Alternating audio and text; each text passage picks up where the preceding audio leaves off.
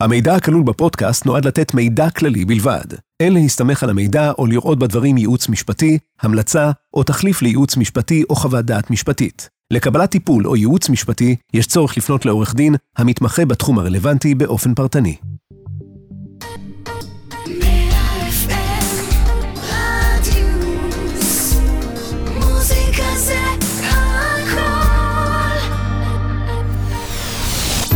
נדל"ן על הזמן, פודקאסט על התחדשות עירונית, עם עורך הדין ארנון יהב.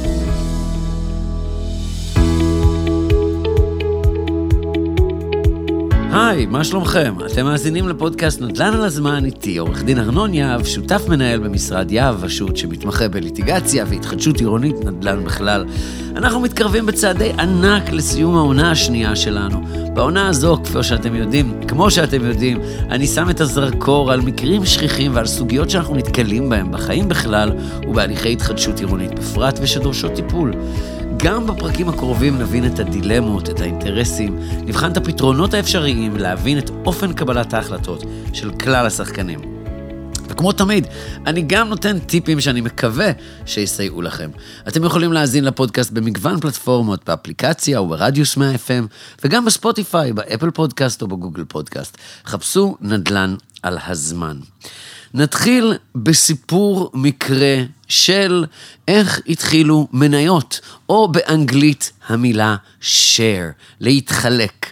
נתחיל לנו דווקא בעולם ונציאני. אנחנו נמצאים בוונציה, בעולמות של, סיפון, של סיפונים וים ומים, ספינות גדולות שיוצאות להם למקומות רחוקים להביא דברים. עכשיו, מה קורה? כשאתה בעלים, בוא נדמיין שאנחנו הבעלים בסיפור הזה, כשאתה הבעלים של ספינה אחת, והיא יוצאת לה והיא חוזרת לה, הכל נפלא. אבל אם, כמו שבסכנות האדירות שקיימות במים שורצי תנינים פיראטיים, והמזרח הרחוק, מה שזה לא יהיה, שלא היה להם טוב, אמ, אז מה קורה אם הסירה לא חוזרת? מה קורה עם הספינה וכל הכסף ששמת במקום אחד, בספינה אחת, או בסל אחד, אם תרצו, לא חוזר? אז... קודם כל, שני דברים מעניינים לגבי זה. אחד, כמובן שאבות אבותינו היו מאוד מעורבים, כי היה שם ביזנס והיה שם את העניין של הריביות שלא אפשרו לנוצרים בזמנו להתעסק בזה, כי זה היה אסור על פי תפיסתם, וזה היה נתפס מאוד מאוד זול בערוב הימים. תראו אותנו עכשיו. אבל מה קרה? באו והגיעו למסקנה מאוד פשוטה. אחד, המקום שבו הדבר הזה קורה, זה בפאב. עכשיו, הפאב הראשון שבעצם אה, עשה את הדבר הזה בצורה גדולה, היה של משפחה בלגית בשם משפחת דה, ניחוש, משפחת דה בורס. ולכיכר מסביבם קראו כיכר דה בורס, בגלל, על שם הבעלים של הפאב. ומה שקרה זה ששם נוצרה מה? הבורסה הראשונה. השם הבורסה, אוקיי, בא בעצם ממשפחה של בעלים של פאב. למה? כי מי שהחזיק את השטרות האלה בעסקים שאנשים עשו, היו בעלי הפאב. אינקיפרס, אם תרצו, לא יודע אם... פונדק, אוקיי? ומה שקרה לנו עם הספינות האלה, זה שבעצם הגיעו למסקנה מאוד פשוטה. אם אני... אה, הוא מבין שרק שספינה אחת חוזרת יכולה להחזיר מספיק רווח לכולם, אז מש, משתלם לי להתחיל לעשות מה? לפרוס את הסיכונים שלי. בעלי הספינות האלה בעצם באו והגיעו למסקנה, רגע, אני יכול לפרוס את הסיכונים שלי על ידי זה שנתחלק, share. אוקיי? אנחנו נשתתף ונתחלק בסיכון על ידי זה שבמקום להיות בעלים של ספינה אחת שיוצאת וחוזרת, אנחנו ניקח ונחלק את הסיכון בינינו ונהיה בעלים של כמה ספינות בחלקים יותר קטנים, ובעצם ככה התחילה אה, אה, האפיזודה המאוד מאוד משמעותית הזו של הכלכלה העולמית בחברה הודית, East India Company, אה, חברת מזרח הודו, שבעצם בפעם הראשונה הציבור יכל לקנות מניות. shares, חלקים בחברה ולא בספינה אחת. איפה הדבר הזה פוגש אותנו בהתחדשות עירונית? מאוד מאוד קרוב ללב. אנחנו היום נמצאים במקום שבו החברות הציבוריות, אותן חברות שמציעות את המניות שלהם, את ה-shares, את החלקים שלהם אה, ב, אה, לציבור הרחב, וכך גם קורה בקבוצות ובחברות יותר קטנות. אנחנו מדברים על התופעה של אנשים מוכרים חלקים מהפרויקטים האלה, אבל הפרויקטים האלה הם כבר לא ספינות, הפרויקטים האלה זה הבתים שלכם. ובמקום הזה, אנשים צריכים להבין שהעסק הגדול הזה, המשמעותי, ההיסטורי והחביב הזה, הסיפור הזה, פוגש אותם במקום מאוד מאוד אינטימי. בבית שלהם. היום אנחנו מדברים על הסבת פרויקטים, על מכירת פרויקטים, על העברתן מיד ליד, העברתם של הפרויקטים האלה מיד ליד, איך אנחנו יכולים להתמודד עם זה, מה אנחנו יכולים לעשות לגבי זה, ובכלל, מה זה. אז בואו אה, נבין את, ה, את הדברים האלה של למה זה קורה. אז התחלנו בלומר למה זה קרה ב, ב, בעולם הספנות ובעולם הקפיטליזם ככלל. אה, זה לא רק קרה בספנות, אגב, זה קרה בכל מיני חובות, התחיל גם בצרפת, אבל זה, זה הכל כזה אזור כזה, צרפת, בלגיה, איטליה, כזה שם. ו, ומהמקום הזה, למה זה קורה פה? פעם ראשונה אני רוצה שתבינו. להיכנס לעסקה של התחדשות עירונית, זה אולי הדבר והעסק, שימו לב, הכי קל שיש יזמית בארץ. למה? אם אנחנו נשווה כמה עולה עסקה של נדל"ן, ואז נשווה כמה עולה, אוקיי? איזה, איזו השקעה צריך לשים בעסקה של התחדשות עירונית, אז חבר'ה, אנחנו מדברים פה על 60 אחוז, בערך 60 אחוז חיסכון. החלק של הקרקע בעסקה של נדל"ן, אוקיי? היא באזור תל אביב, שוב, שואל את זה משמאים, לוקח את זה כדוגמה, קחו 10% לפה, 10% לשם, אבל תבינו על איזה מספרים אנחנו מדברים. היא לפחות 50% מהעסקה. אז כשאני נכנס לסך הכל עסקה, ואתם יודעים מה קורה עם החצי השני? תכף נגיע. אז החלק הראשון, במקום לשים עליו את מיטב המזומנים שלכם, אתם מקבלים אותו חינם. חינם. הקרקע עולה אפס שקלים, גבירותיי ורבותיי. זאת אומרת, אתם באים לקרקע שיכולה לעלות עשרה או עשרות או מאות מיליוני שקלים, ולקנות אותה לא בנזיד עדשים, בכלום עדשים. נסביר. אנחנו, כשאנחנו באים לעסקת התחדשות עירונית, אנחנו רואים מצב שבו יש על הקרקע בעלים. הבעלים בתחילת הדרך הם גם הבעלים בסוף הדרך, מתווספים עוד בעלים. היזם בעצם משלם על הקרקע עם רכיבים נוספים. נסביר. במקום לקנות את הקרקע במזומנים, ואחר כך לעשות תכנונים וכאלה, הוא ניגש, חותם עם, הבעלי, עם בעלי הקרקע, ואז הוא מקדם תכנון, ואז הוא עושה בנייה. שלב הבנייה הוא שלב בליווי בנקאי סגור, זאת אומרת, הבנק נותן את הכסף. בסדר? יש, יש הון עצמי. ההון עצמי הזה הוא יחסית מאוד מאוד נמוך. ונוסיף על זה את כל המומחים והתכנון, כמה כבר עולה. עכשיו, אני לא מזלזל בזה, זה לא שמדובר פה בכלום שקלים, מדובר פה בכסף.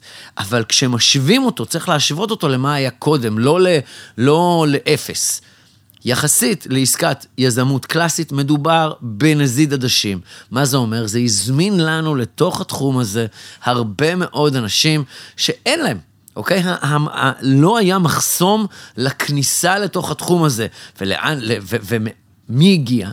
אותם מארגנים שבאו והחתימו אותנו על טופס, ואז, שוב, אגב, אם אתם מארגנים, אני רוצה לומר, אין לי שום דבר נגד מארגנים, תכף נסביר את העניין הזה. ו... הגיעו והחתימו את הבעלים, אנחנו, המשרד שלנו הוא מאוד ותיק בתחום הזה, יש לי קצת פרספקטיבה בעניין הזה, והיה קורה לא אחת שהמארגנים נהיו יזמים, קמו אותם מלפפונים, ונהיו פה לא רק הגננים, הם נהיו פה אימפריות. וזה אחלה, אני אוהב לראות תנועה בתוך העולם הקפיטליסטי, אני אוהב לראות תנועה בתוך העסקים, שלא רק העסקים הגדולים נהיים גדולים יותר, אלא גם עסקים קטנים גדלים, זה נפלא. יש פה אבל. מישהו מנוסה קצת, שומע את האבל הזה מגיע. מה שהיה קורה זה שהיה באים אנשים, בלי כסף, בלי יכולת, מבטיחים אבקות, כל מיני אבקות חשמל, לוקחים פיסות נייר, ואז מחתימים אותם במלואן הלאה ליזם שקנה את זה בשקלים. אני, בתור בעל דירה, לא, לא בהכרח ידעתי. הדברים האלה קרו, וזה הגיע עד למקום כזה שהמדינה התערבה. מדינת ישראל לא ממהרת ככלל להתערב ב... אה, נקרא לזה, בשוק החופשי. יש פחד מאוד גדול במשרד המשפטים, שהוא מובן שהוא הגיוני, פחד מאוד גדול במשרד המשפטים מלהתערב בחופש החוזים של האזרח. האזרח וה, וה, וכל מי שעושה עסקים מתקשרים בעסקאות, כמו שנראה לנו. לא יפה שהמדינה תתחיל להתערב לנו במה שאנחנו עושים. אבל פה היא התערבה בשביל להגן על בעלי הקרקע, ומי שזוכר בעונה הראשונה אפילו אירחנו את הממונה על התחום הזה, אותו ממונה על חוק המכר. אבל החוק הזה נקרא החוק לארגון עסקאות בהתחדשות עירונית, חוק המקרקעין. או בקצר, חוק המאכערים.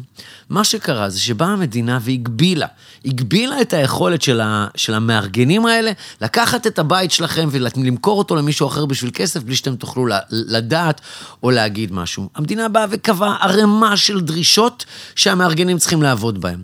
לכם המארגנים, אני אומר, תכירו שאתם צריכים לעמוד בדרישות האלה.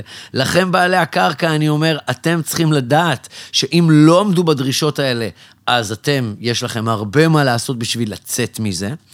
אז מה זה קרה? זה בעצם, אה, כש, איך אומרים, כשה, כשהחתול לא נמצא, העכברים רוקדים. מבחינת סדרי גודל, זה פשוט הביא את העכברים לעבוד עם החתול, אוקיי? אז אנחנו אומרים, שלום, אנחנו כבר לא עכברים, אנחנו פה מטעם החתול. הטיפ שאני רוצה לחדד את אוזניכם אליו זה מטעם. כשאתם מדברים עם מישהו מטעם הבנק, אז תזהרו, אתם לא תמיד מדברים עם הבנק. אוקיי? המילה הקטנה הזו מטעם אומרת וצפון בה הרבה מאוד. אם מישהו אומר לכם את זה, שווה בירור. אוקיי? אז נמשיך ונחזור ונמשיך. הגענו למקום שבו המארגנים כבר לא יכולים לא, לא להגיד לנו מי הם, אוקיי? ויש להם הרבה מאוד תנאים. אתם, בעלי הקרקע, כבר הרבה יותר מוגנים מאקט שהיה קורה הרבה. אנשים פורסים את הסיכון שלהם, אנשים באים בלי לקנות משהו, ובעצם... כמו במפיקים, אם מישהו זוכר את ה musical, מוכרים, מוכרים את העסק, lock, stock and barrel, כולו, ל... ליזם בשביל הרבה מאוד כסף, בשני דרכים, או תן לי כסף אני בחוץ, או כמו שכל איש, איש עם קצת חוש עסקי יבוא ויגיד, למה לי לצאת? אני נשאר בשביל 50 אחוז. שים 100 אחוז מהכסף, אתה, אני מוכר לך, בסדר? אני שם אפס כי הבאתי את החתימות. ולהביא את החתימות, ההשקעה היא, היא מינימלית או זמן. אוקיי? וכשאומרים לי time is money, אני רוצה להגיד לכם, להוציא ממישהו שעה הרבה יותר קל מלהוציא ממישהו 100 אה, אלף דולר, בסדר? אז time is not always money במובן הזה, אבל זה כבר שיחה אחרת. אנחנו נמצאים במקום, במקום הזה של ההסבות עם המארגנים. מה שהם עושים, זה מכניסים יזמים, נקרא להם בגרשיים, אמיתיים, ב-50 אחוז. פה יבואו ויגידו אנשים, רגע, מה הבעיה שלי? למה, למה שאני אתנגד שיכניסו לי שותפים? אז אני אומר דבר כזה, תנסו את זה בבית. בואו תנסו את זה בבית, שאתם בבוקר, לפני שהאישה מתעוררת, תכניסו עוד אישה למיטה, וכשאשתך מתעוררת, תגיד לה, מותק, זה בסדר, את עדיין 51 אחוז. Good luck with that. בסדר? הסיפור הוא מאוד פשוט, אני רוצה לדעת, ואם אשתי הייתה עושה לי את זה אותו דבר, אגב, אני לא רוצה להישמע מגדרי, אוקיי? המערכת יחסים הזו היא מערכת יחסים אינטימית, והיא חייבת להיות בהסכמה. מה הם עושים? הם דוחפים לכם את זה בחוזים לפני שהתעוררתם. האישה מתעוררת ואומרת, מה?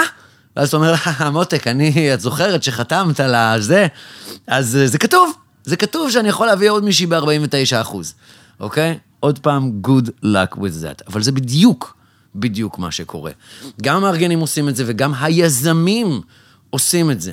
התקשרת עם יזם אחד, יזם שנקרא לו רדיוס, יזם מדהים, מעולה, אבל רדיוס בא ואומר, רגע, הוא קלט, ונציה, כבר עברו כמה מאות שנים. אם אני רץ, שם את כל הביצים שלי בתוך הסל הזה, והסל נשבר, אבוי לביצים. בואו נכניס עוד מישהו איתי. אבל פה המערכת יחסים מיוחדת. בית המשפט בא ואמר, וקבע, זה מקרים שכבר קרו ובית המשפט קבע. המערכת יחסים בין היזם לבין הבעלים היא מערכת יחסים מיוחדת. מיוחדת, אינטימית ואישית. לא סתם נתתי את הדימוי של, של אמון כפי שיש בין בני זוג. מדובר פה בבית של אנשים והזהות של היזם משמעותית.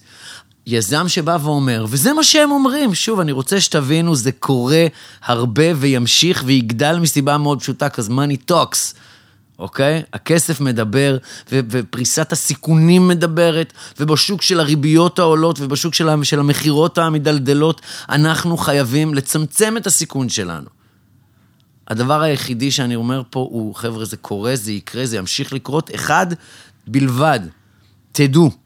תדעו מה קורה, כי לטעמי לא מספיק אנשים יודעים את זה. היזמים, נכנסים יזם אחד, יוצאים שתיים. הם אומרים, חבר'ה, זו עסקה פיננסית. חבר'ה, מניות, בואו, זה משנה אם זה אני או הוא. אני, מי שבחרתם, נשאר ב-51 אחוז, 49 אחוז זה מישהו אחר. זה לא משנה לכם. אז אני אומר, לא, לא, לא ולא. והדרך למנוע את זה היא על ידי עורך דין, דיירים, שמייצג רק דיירים, אומר לכם את האמת ויודע מה הוא עושה. ויש פה סיכון אבל, כי לכל דבר יש טווח. בסדר? יש את הטווח שבו זה לטובתי, ויש את הטווח שבו אם נתקדם יותר מדי. באיזשהו שלב אני כבר הגזמתי ועושה לעצמי נזק. אז איפה גם זה קורה? איפה קורה המקום שבו אה, החופש שלי להחליט מה קורה עם העסקה שלי כבר פוגע בי? בואו אני אספר לכם את הצד השני, זה לא, לא רוצה להישמע כאילו רק היזמים פה, זה... יש לפעמים בעלי דירות שבאים ואומרים, אני יודע שעשיתי דיל. אבל זה היה אז. זה היה אז, ועכשיו זה עכשיו, ועכשיו יש הזדמנות, ואם נותנים לך, תיקח, אוקיי? אז התפיסה יכולה להיות דימוי, בואו נספר לכם מקרה כזה. בא יזם, א', חתמתי איתו, עשיתי איתו את העסקה, הוא מכניס ב... אה, אנחנו הלכנו לעורך דין, מדהים, העורך דין הזה דאג לנו והכניס סעיף בעסקה שאומר אסור ליזם להסב את הזכויות שלו בלי לקבל אישור מהדיירים. הלא, יש לנו שני בני זוג פה, מצד אחד הדיירים, בעלי הקרקע. מצד שני היזם לא יעשה זה בלי זה, ללא הסכמה. זה, לא, הדייר לא מוכר דירה בלי הסכמה של היזם, היזם לא מכניס יזם אחר איתו בלי הסכמה. ואז fast forward, רצנו קדימה, הגענו לרגע שבו היזם אומר, טוב, חבר'ה, תקשיבו, אני מכניס פה איתי שותף ב-X אחוז. מגיע הדייר ואומר, אה, ah, אני עכשיו רוצה עוד דירה. זוכרים שהסכמנו 20 מטר? אתה רוצה שותף? אה. Ah. עכשיו אני רוצה יותר. הדבר הזה יכול להיות לנו לרועץ ולבעיה וכן הלאה. אז איך אנחנו עושים את זה? אנחנו מסתמנים, המלצה שלי להסתמך על עורכי הדין והנציגים. גם ככה הנציגים ברוב המקרים אלה שעשו את המכרז, גם ככה עורך הדין הוא הגורם המקצועי שיגיד לכם ויגן עליכם. תוכלו ותאפשרו את זה מראש בכתב לנציגות ולעורך הדין, אוקיי? לעשות את ה... העסק הזה בצורה שבה מצד אחד אתם מוגנים, ומצד שני אתם יכולים להתקדם. הדבר האחרון אה, שאני אה, רוצה שתבינו, זה שכשאנחנו עובדים עם חברה ציבורית, אנחנו לא יכולים להגביל אותה. הרשות לניירות ערך פה, המדינה, יש לה אינטרסים גם, ויש פה אינטרסים גדולים, סותרים. מצד אחד החופש ההתקשרות, ומצד שני אנחנו רוצים לראות עסקאות, אנחנו רוצים לראות את הדבר הזה, את המקרו-כלכלה זז. חברה ציבורית, אתה לא יכול להגביל את היכולת שלה למכור את המניות שלה. גם בחברה הפרטית, אתה לא תגביל את היכולת של החברה הפרטית למכור חלקים מעצמה. אנחנו נגביל חלקים למכור חברות פרויקט, אבל לא נוכל להגביל שינויים בחברת האם. תבינו את זה, נחזור פה, נחזור פה חזרה לוונציה, ונזכור שבסופו של דבר המניות האלה הן טובות, הן טובות לכולם, ואנחנו מדברים פה על חלקים קטנים שהם בשינוי, ואנחנו צריכים להבין, אנחנו חיים בעולם הקפיטליסטי. בעלי תפקידים יכולים להתחלף, צריך להבין את זה. עם מי אתה מתחבר, תשאל את השאלה הזו למי התחברת, יש יתרונות וחסרונות לעבוד עם חברה ציבורית, אבל בסופו של דבר, גם בעולם הפסיכולוגי, שהוא מאוד משפיע על העולם הכלכלי, אנחנו צריכים לזכור מודעות. להיות מודעים לבעיה זה כבר הולך דרך מאוד מאוד ארוכה לפתרון שלה. מה שאני אה, מקווה שהנעמתי את זמנכם בכמה דקות האחרונות, בשביל שתהיו מודעים לבעיה, ושיהיה בהצלחה. תודה רבה לכם שהייתם איתנו. עד כאן הפרק שלנו. אתם מוזמנים לחפש פודקאסט נדל"ן על הזמן במגוון הפלטפורמות, באפליקציה ובאתר רדיוס 100 FM. תוכלו להאזין גם לפרקים העונה הראשונה וגם לעקוב ולהתעדכן כשעולה פרק חדש. אנחנו מעדכנים גם בפייסבוק ובאינסטגרם של רדיוס 100 FM כשעולה פרק חדש. תודה לצוות המצוין שלנו כאן באולפן. נשתמע בפרק הבא של נדל"ן על הזמן.